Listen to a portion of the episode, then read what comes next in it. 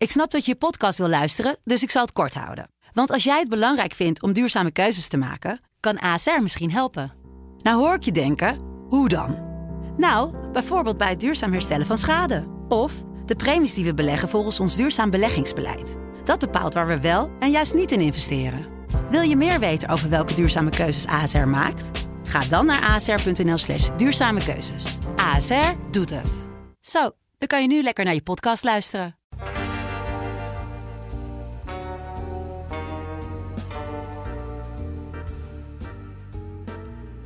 Het Openbaar Ministerie eist levenslang tegen de twee verdachten die deze week terecht stonden voor de moord op Dirk Wiersum. Een weerzinwekkende moord die de juridische wereld volledig op zijn kop heeft gezet.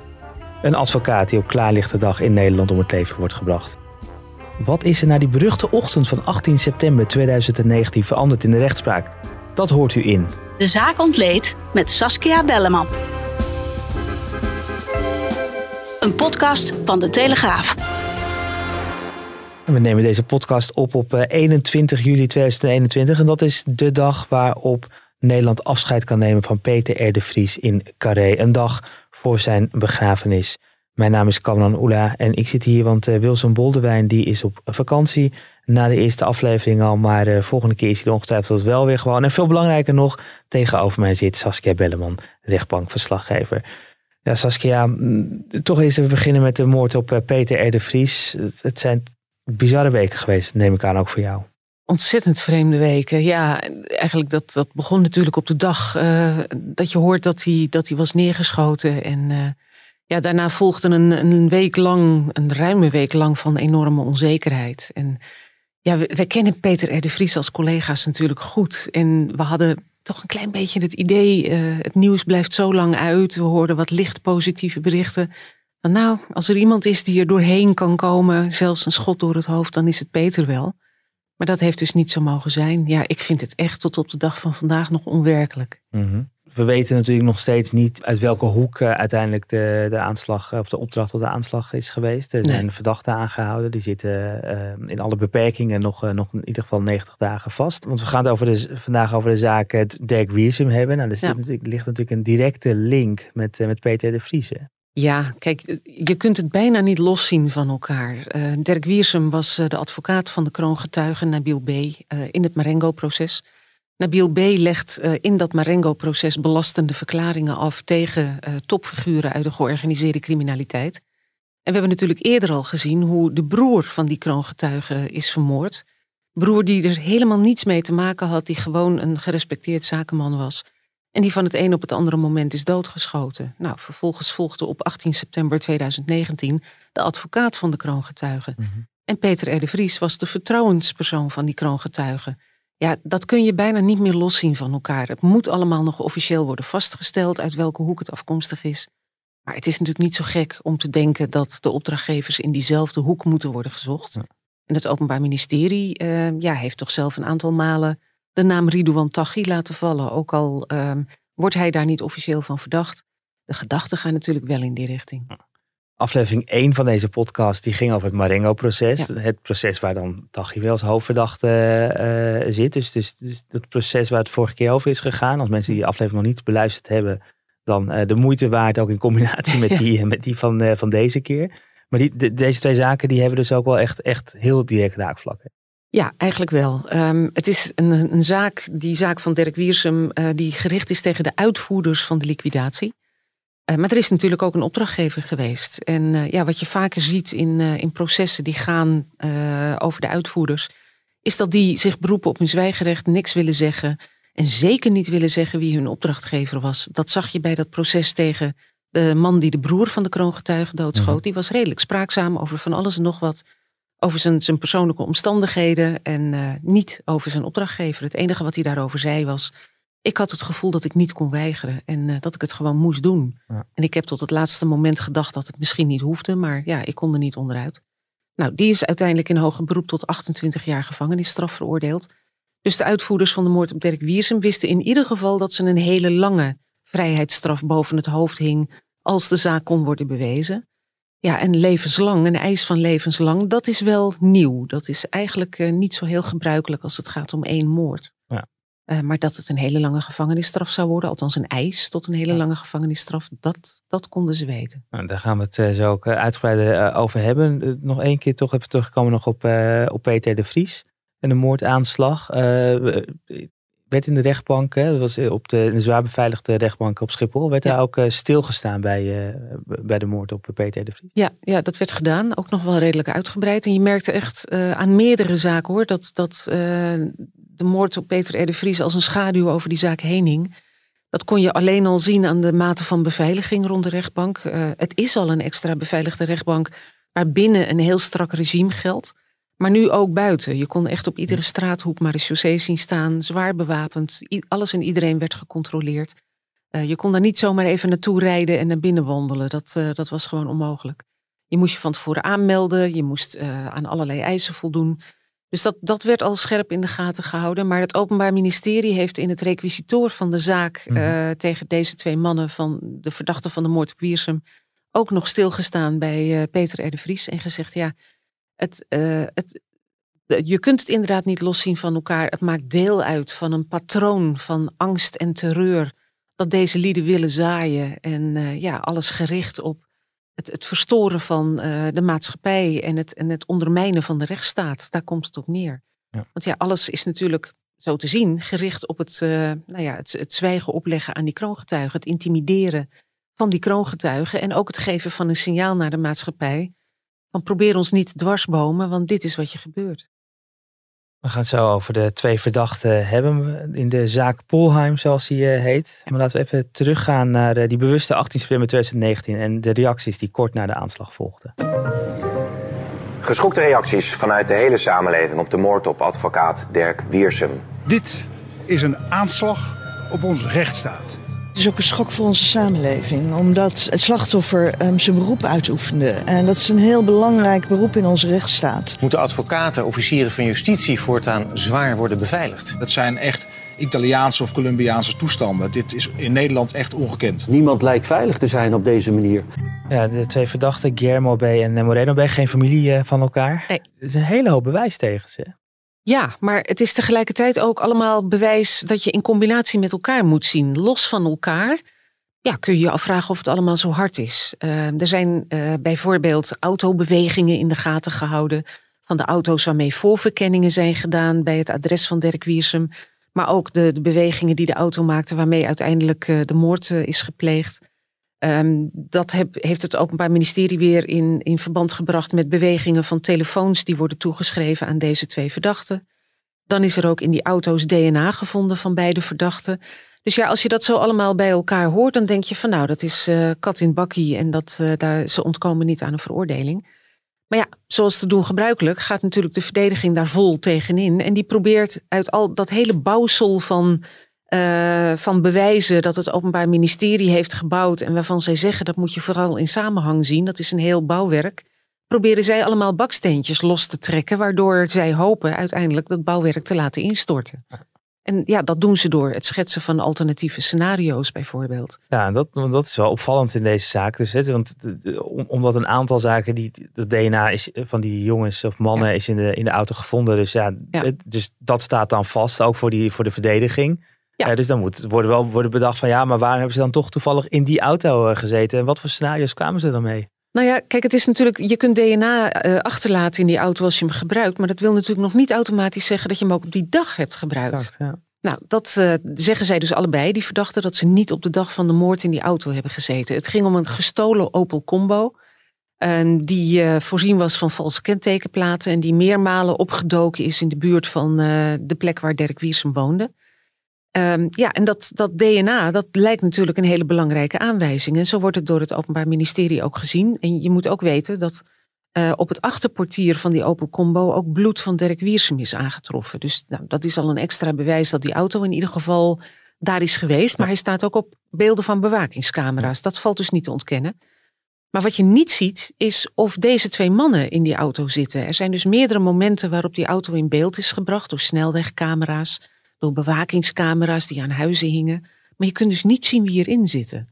Nou, dat is dus een punt wat de verdediging heeft aangegrepen. En die hebben gezegd van ja, maar onze cliënten ontkennen ook helemaal niet dat ze van die auto gebruik hebben gemaakt. Alleen, Ze hebben er op de dag van de moord niet in gezeten. Mhm. Toen was hij in gebruik bij iemand anders. En ja, ze zeggen dan niet te weten door wie, eh, maar dat hoeven ze ook niet aan te tonen. Dat is natuurlijk aan het Openbaar Ministerie om dat te doen.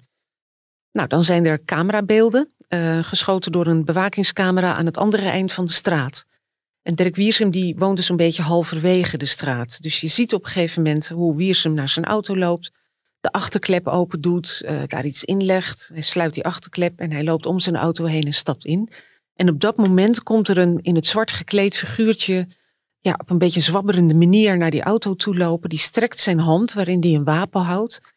En die lijkt schietbewegingen te maken. En het Openbaar Ministerie zegt het lijkt erop dat het wapen op dat moment weigerde. Hm. Want er werd niet geschoten. Dirk Wiersum is nog uitgestapt.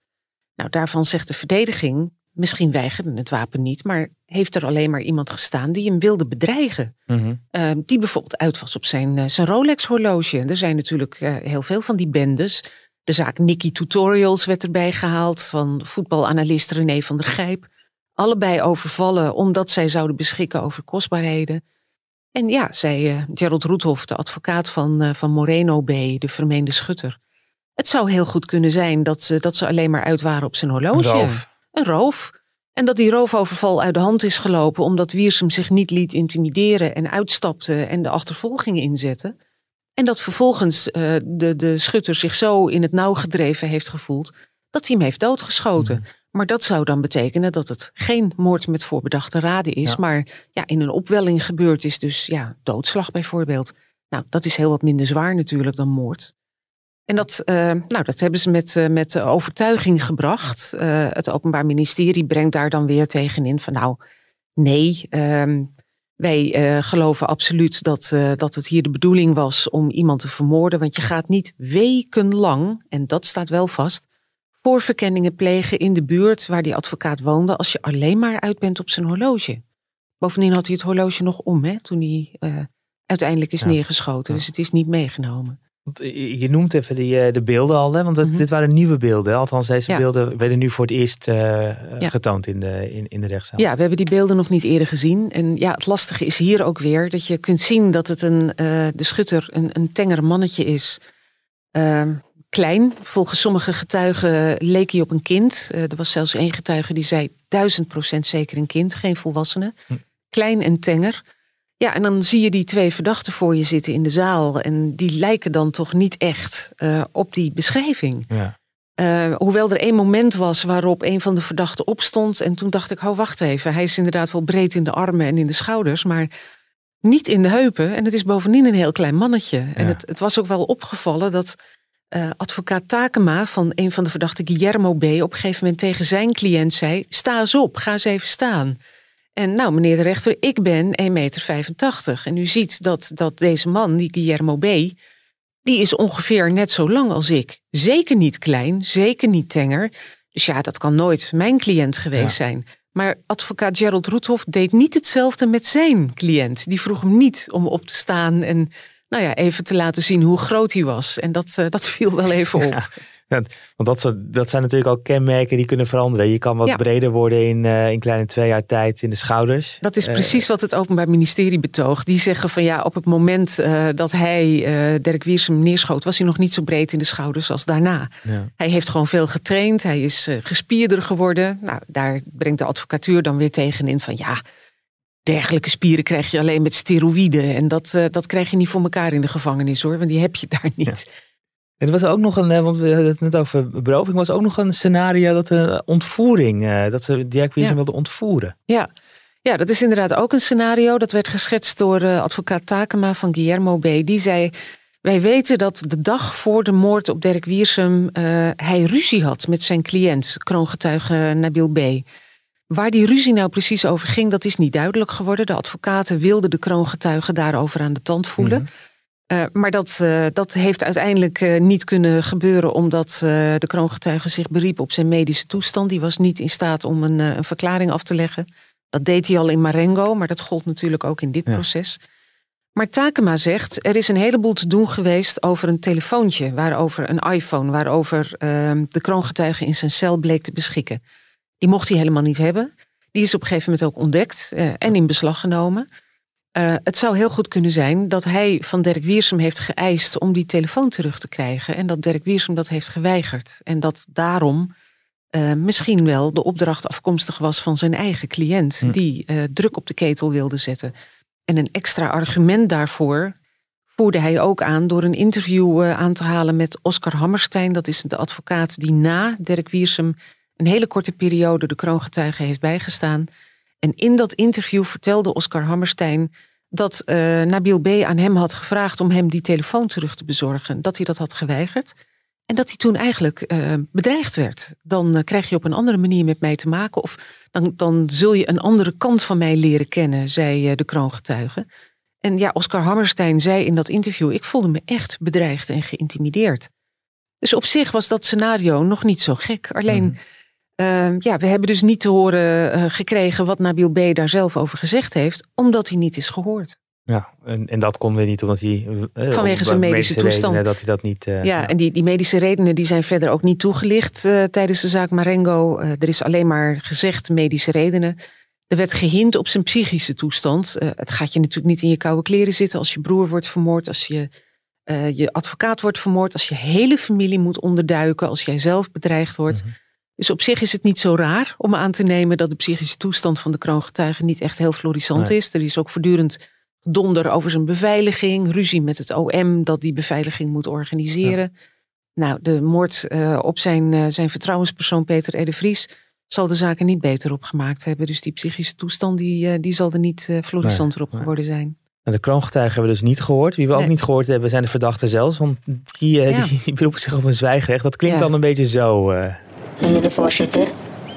Ik ga verder uh, ga ik geen uitspraken meer daarover doen. Ik heb al een verklaring afgelegd en in mijn verklaring is alles te lezen. En uh, voor de rest uh, beroep ik me op mijn zwijgrecht. Wat kunt u de rechtbank vertellen om de rechtbank ervan te overtuigen dat het mijn ministerie het bij het verkeerde eind heeft? Ik, ik zal een beroep op mijn zwijgrecht. Ja, ja. vervormd hè, dat, ja. voor, de, voor de duidelijkheid. Want dat, dat op deze manier mogen we het, mogen we het gebruiken. Ja. Wat doet dat met het proces als, die, als er continu maar zwijgrecht, zwijgrecht wordt gegeven? Ja, dat is ongelooflijk frustrerend. Ja. Uh, de voorzitter uh, liet zich op een gegeven moment ook even verleiden tot het maken van een opmerking van ja, dit, dit is het podium hè, waarop u duidelijk kunt maken dat u onschuldig bent. Uh, ja. Hier moet het allemaal gebeuren. Nou, daar sprongen de advocaten meteen bovenop. Want ja, het is officieel natuurlijk niet aan de verdachte de om hun onschuld te. Ja, nee, precies. precies. Het is aan het Openbaar Ministerie om schuld te ja, bewijzen. Ja, en maar goed, tegelijkertijd, als er heel erg veel bewijs ligt um, en dat laten de verdachten onweersproken, is het in de praktijk nou eenmaal zo dat een rechtbank dat wel degelijk uh, in het nadeel van verdachten kan meewegen. Ja. De, de vader van uh, de, het slachtoffer van, uh, van Dirk Wiersum heeft ook gesproken. Ja. Werd, werd, daar dan wel weer op gereageerd door de, door de verdachte? Nauwelijks eigenlijk, mm. nee. Die vader had, een, had echt een heel, hele mooie, ja, hoe moet je het noemen, toespraak of een, een spreekrechtverklaring. Ja. Um, hij was niet lijfelijk in, uh, in de rechtbank aanwezig. Dat was geen van de, van de nabestaanden. Die vonden dat te confronterend, maar mm -hmm. ja, willen ook niet geconfronteerd worden met herkenning. Um, de vader heeft een videoverklaring opgenomen. Die werd afgespeeld in de rechtbank. Ja, die was ontroerend. Hij, hij vertelde daarin over zijn eigen pijn. Uh, dat gevoel van: ik heb een kind, ik ben op zoek naar mijn kind, maar ik kan hem niet vinden. En ik weet ook dat ik hem nooit meer ga vinden. Nou, dat snijdt je echt de adem af, nee. zei, zei hij. Maar hij richtte zich in zijn verklaring ook nog rechtstreeks tot de twee verdachten. En hij zei ook van ja, als jullie dit daadwerkelijk hebben gedaan, dan is uh, jullie moreel kompas volledig op tilt geslagen. En als jullie een goed voorbeeld willen zijn voor je kinderen, en dat hebben beide verdachten eerder aangevoerd, dat ze heel graag naar huis willen, dat ze zo graag voor hun gezin willen zorgen, dat ze hun kinderen -hmm. uh, het goede voorbeeld willen geven. Nou, zei die vader, als dat jullie plan was, dan hebben jullie echt de verkeerde weg getoond en daar valt niets meer aan te verhelpen. Ja, dat was indrukwekkend. En normaal gesproken is het zo dat dan meteen de rechtbank vraagt aan de verdachte: willen jullie daar nog op reageren? Dat gebeurde in dit geval even niet. De rechter schorste even tien minuten. En ik, ik kreeg een beetje de indruk alsof ook de rechters wel enigszins waren aangedaan door uh, wat de vader van Dirk Wiersum zei. Uh, en na tien minuten kwamen ze terug en vroegen ze inderdaad aan de verdachte: willen jullie iets zeggen? Nou ja, ik, ik mag het misschien niet zo zeggen, maar kreeg de indruk dat ze wel even waren geïnstrueerd door de advocaten om toch vooral even te vertellen dat ze het allemaal heel erg vonden, ja. maar dat ze er niks mee te maken hadden. Ja. Ze hadden ook even die tien minuten eigenlijk gehad om, uh, om zich daar misschien wat op, op voor te kunnen bereiden. Ja. En niet ook in emotie dan uh, te reageren. Precies, dat denk ik. Ja. Um, nou, zo'n slachtofferverklaring. Uh, dat is de, een vader die over het gemis van zijn zoon. Dat is heel persoonlijk. Uiteindelijk is er gewoon een, een, een man, een, een zoon ook uh, vermoord. Um, tegelijkertijd werd het ook, of wordt het ook een aanval op de rechtsstaat genoemd. Hè? En, en, en, en we horen het ook in de reacties. Meteen de zin daarna is. Maar we zullen nooit wijken voor de georganiseerde misdaad. Ja. Is dat ook zo? Wordt, wordt er niet geweken? Of, of proef je dan toch, als je ook naar zo'n proces volgt, dat, daar, dat het ja, dat er toch iets veranderd is. Er is wel iets veranderd, maar niet in de zin van um, dat er, dat er um, minder uh, energie wordt gestoken in het oplossen van dit soort zaken. Je zou zelfs kunnen zeggen, er wordt meer energie in gestopt. Want we hebben natuurlijk na de moord op Dirk Wiersum uh, meerdere persconferenties gehad van politie en justitie, waarin melding werd gemaakt van het weer oprollen van een, een netwerk van zogenaamde pretty good privacy telefoons. Die telefoons waarmee versleutelde berichten worden verstuurd. Uh, en waarmee criminelen zich heel lang uh, onaantastbaar hebben gewaand. Uh, wat je wel merkt is dat bijvoorbeeld aan ons journalisten wordt gevraagd om de officieren van justitie en de rechters niet bij naam te noemen. En ook om ze niet herkenbaar af te beelden. Zowel niet op camera als, als door de rechtbanktekenaars. Uh, ja, en dat heeft natuurlijk toch alles te maken met veiligheid. In het begin ja, moesten wij daar even aan wennen. Maar je snapt ook wel, als het gaat om georganiseerde criminaliteit. en je ziet hoe ongelooflijk veel liquidaties er zijn gepleegd binnen die wereld. en hoe dichtbij het ook komt bij ja, mensen die binnen dat justitieel apparaat werkzaam zijn. Ja, een advocaat die wordt vermoord omdat hij zijn werk doet, dat is ongekend in Nederland. Dat hadden we nog niet eerder meegemaakt. Dat, uh, ja, dat dat officieren van justitie en rechters ook wel meer op hun tellen doet passen. En ze hen ook doet realiseren hoe gevaarlijk het eigenlijk is wat ze doen. Uh, dat snap ik wel. Ja. Hoewel ik me ook wel eens afvraag of uh, ja, uh, criminelen uh, heden ten dagen perspublicaties nodig hebben om erachter te komen wie de rechters en de officieren zijn. Ik denk dat ze daar wel andere wegen voor hebben. En, maar het is in zekere zin dus wel, wel sprake van angst. Ja. maar aan de andere kant ook professionaliteit, want er wordt gewoon twee keer levenslang geëist door het Openbaar Ministerie. Ja, en dat is inderdaad een ongebruikelijke eis. Misschien moeten we daar even over hebben, want levenslang is eigenlijk uh, tot nu toe vooral voorbehouden geweest aan uh, plegers van meerdere levensdelicten. Dus uh, ofwel meerdere moorden die achter elkaar zijn gepleegd, of iemand heeft een moord gepleegd, maar is daarvoor ook alles veroordeeld geweest voor een levensdelict. Het moet wel gaan om meerdere. Uh, nou, in dit geval gaat het dus om, uh, om mannen die wel een uh, stevig strafblad hebben, maar ze hebben nog nooit iemand om het leven gebracht, voor zover bekend. Dit was de eerste keer. Ja, en dan is het eigenlijk gebruikelijker dat er lange tijdelijke gevangenisstraffen mm. worden geëist, maar niet zo gebruikelijk dat, er levenslang wordt geëist. Of een, dus ja, of 30, dat kan ook nog. Ja, ja. Nou ja, je zag bijvoorbeeld bij, bij de moordenaar van de broer van de kroongetuige, die is tot 28 jaar veroordeeld. Dus ze konden wel nou, vermoeden dat het in de richting van 28 à 30 jaar zou mhm. gaan. Levenslang, dat hadden ze volgens mij niet zien aankomen. Ja, en ik kan me niet helemaal aan de indruk onttrekken dat dat toch ook wel iets te maken heeft met die aanslag op Peter de Vries. Ehm, dat zullen ze bij het OM altijd ontkennen hoor. Daar zullen ze zeggen: nee, we hebben gewoon puur gekeken naar deze zaak. Maar wat het OM daar wel over heeft gezegd is: van ja, het maakt gewoon onmiskenbaar deel uit deze aanslag van een, een patroon van angst en terreur dat deze mannen willen zaaien. Met het doel gewoon om de zaak te frustreren en om invloed uit te oefenen op de rechtsgang en op de rechtsstaat. En dat kunnen we niet tolereren. We moeten dus gewoon een helder signaal afgeven naar de onderwereld. Als je dit doet, nou dan kun je nog zoveel geld verdienen met het plegen van een moordaanslag, maar je zult zelf nooit meer de gelegenheid krijgen om er, een, om er een, een cent van uit te geven. Nou, dat, uh, dat signaal, dat geven ze hiermee wel af, ja. Ja, dat doen ze natuurlijk al met één keer levenslang eisen, maar ze doen het eigenlijk twee keer. Dus je hebt, je hebt de vermeende schutter, uh, die die ja. verdacht wordt van het, uh, van het schieten. En de andere is eigenlijk ja. indirect, of uh, wel direct betrokken, maar hij is indirect je bedoelt de chauffeur? De, ja, die heeft, die heeft dan zelf niet zeg maar iemand vermoord. Nee. Die heeft alleen maar de, de, de verdachte van de moord vervoerd. Maar die krijgt dus ook gewoon levenslang aan de broek als, als het aan het OM ligt. Als het aan het OM ligt wel. En dat komt omdat het Openbaar Ministerie zegt... deze mannen zijn medeplegers van de moord. En dat wil zoveel zeggen als hun rollen zijn inwisselbaar. ze hebben allebei een even zware rol gehad. Ze zijn samen bezig geweest met voorverkenningen. Ze hebben nou ja, er was sprake van een hele nauwe en bewuste samenwerking, zoals dat heet in juridische termen. Zodanig dat je de rol van de een niet los kunt zien van die van de ander. En dan doet het er dus eigenlijk niet toe wie de dodelijke schoten heeft gelost. Dan zijn beide even verantwoordelijk. En dat betekent dus ook dat in de zaak tegen de verdachte van uh, Peter R. Vries mogelijk straks hetzelfde gaat spelen. Dat moeten we natuurlijk nog afwachten. Het is Mhm. nog een beetje prematuur om daar iets over te zeggen. Ehm, de, de aanhoudingen zijn dichter op het delict zelf eh, verricht. Dus het kan best zijn dat straks duidelijk wordt dat bijvoorbeeld eh, de bestuurder van de auto eh, helemaal niet wist wat er stond te gebeuren. Mhm. Maar stel dat dat wel zo is, stel nou dat ze, dat ze allebei ook nauw en bewust hebben samengewerkt en het Openbaar Ministerie kan dat aantonen, ja, dan staat hen hetzelfde te wachten. Ja. En het, het is wel, ehm, het, het komt vaker voor. Ik, ik heb de, de advocaten vooral voorbeelden horen aanvoeren van eh, rechtbanken die oordelen hebben geveld eh, in de trant van, nou nee, de rol van de een was toch aanzienlijk kleiner dan die van de ander. Maar dan roep ik nog even in herinnering de zaak in, die ooit in, eh, in Arnhem heeft gespeeld. Ehm, in Nijmegen waren toen twee jongens die op een scooter reden en van plan waren om een hotel te overvallen. Ze zagen politie in de buurt van dat hotel, zijn er als een speer vandoor gegaan en tijdens hun vlucht hebben ze een eh, man die de weg overstak doodgereden. Ja. En in die rechtszaak speelde een rol dat die twee eh, elkaar de schuld gaven van het besturen van de scooter. Want dat werd gezien als de zwaarste rol. Dat was tenslotte degene die eh, de voetganger heeft doodgereden. En uiteindelijk heeft de rechter daarvan gezegd, de hoogste rechter, van nee, het doet er niet toe wie die scooter heeft bestuurd. Er was sprake van een zodanig be- bewuste en nauwe samenwerking dat ze allebei even verantwoordelijk zijn voor het fatale gevolg. En dus ook gewoon dezelfde straf moeten krijgen. Want een eerdere rechter had anders geoordeeld, geloof Ja. ik. Dan was dat gevoel Ja. van onrechtvaardigheid Ja. dat door het land ging van de beide vrijgesproken. Want we weten niet wie het is geweest. En dat eh. speelt natuurlijk in deze zaak ook. Hè? Mhm. Van, stel nou dat het Openbaar Ministerie niet overtuigend kan aantonen wie van de twee nou de dodelijke schoten heeft gelost. Ja, dan zou het toch eigenlijk strijdig zijn met ieder rechtvaardigheidsgevoel als ze ermee weg zouden komen.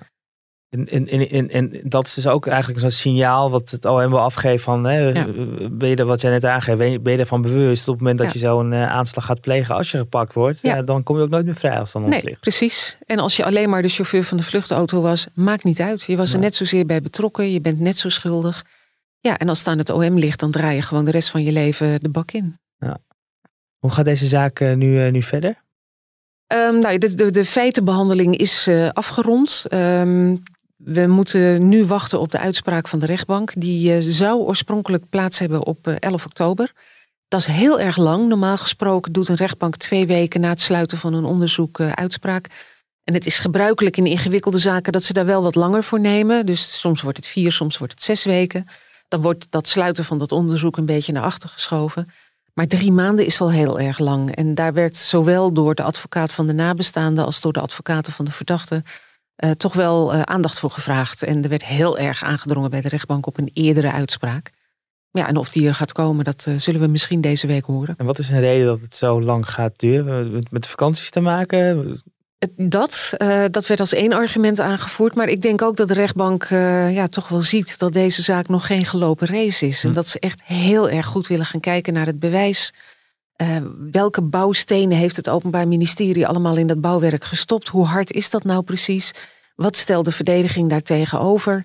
Ja, ik denk dat ze daar heel grondig naar willen kijken voordat ze een, eh, een oordeel vellen. En daar hebben ze wel even tijd voor nodig. Op zich wel interessant, want als we rechtszaken volgen via jou, dan, hè, dan, dan horen we vooral wat er wordt gezegd in de rechtbank. En dan op een gegeven moment is, ja, er, is wordt uitspraak gedaan en dan is de uitspraak. Ja. Maar in de tussenliggende tijd gaan die rechters dus, die, die zijn ook weer echt uren, misschien wel dagen bezig met zo'n zaak. Ik denk wel weken, ja. Ja, ik denk dat, eh, dat noemen ze dan raadkameren. Daar hoor je niks over. Nee. Die, eh, die rechters doen dat achter gesloten deuren. Dat is het geheim van de Wat raadkamer. ook volstrekt logisch is. Wat heel logisch is, ja. En dan gaan ze dus met elkaar praten over... wat hebben we nou gezien? Wat ligt er nou eigenlijk voor ons? Is het, is het hard? Is het niet hard? Zit er iets in die alternatieve scenario's? Zijn er misschien nog dingen waarvan we toch vinden... dat dat nog nader uitgezocht moet worden? Dat kan dan nog. Want het onderzoek is nog niet gesloten. Ehm, er, er is bijvoorbeeld door de advocaten van de verdediging nog naar voren gebracht... of door de, het Openbaar Ministerie naar voren gebracht... dat eh, na de moord deze twee verdachten liepen te strooien met geld... Nou, de een is met zijn gezin een dagje naar Walibi geweest. Ik weet niet of je dat nou moet zien als strooien met geld. Maar de andere verdachte heeft dat wel degelijk gedaan. Die bleek opeens te beschikken over duizenden euro's. En die stond bovendien in de rij eh, voor de incheckbalie voor een vlucht naar Suriname. Die is daar uit de rij geplukt en aangehouden. Nou, is dat dan een bewijs dat hij hè, opeens over zoveel geld beschikte... dat dat toch wel een, een harde aanwijzing is in de richting van eh, schuld... en uitbetaald zijn voor die Mhm. moord? Of is dat ja, iets anders geweest. Uh, beide verdachten hielden zich ook met allerlei illegale praktijken bezig. Dus ja, daar kunnen ze natuurlijk ook geld van, uh, van gekregen hebben. Nou, al die dingen zal de rechtbank op een rijtje moeten zetten. Dan kan iedere rechter daar zijn zegje over doen. En uiteindelijk moeten ze met een eensluidend oordeel komen. Nou, ik denk dat ze daar inderdaad nog wel even wat tijd voor nodig hebben. En ja, die vakantieperiode zit er natuurlijk ook tussen.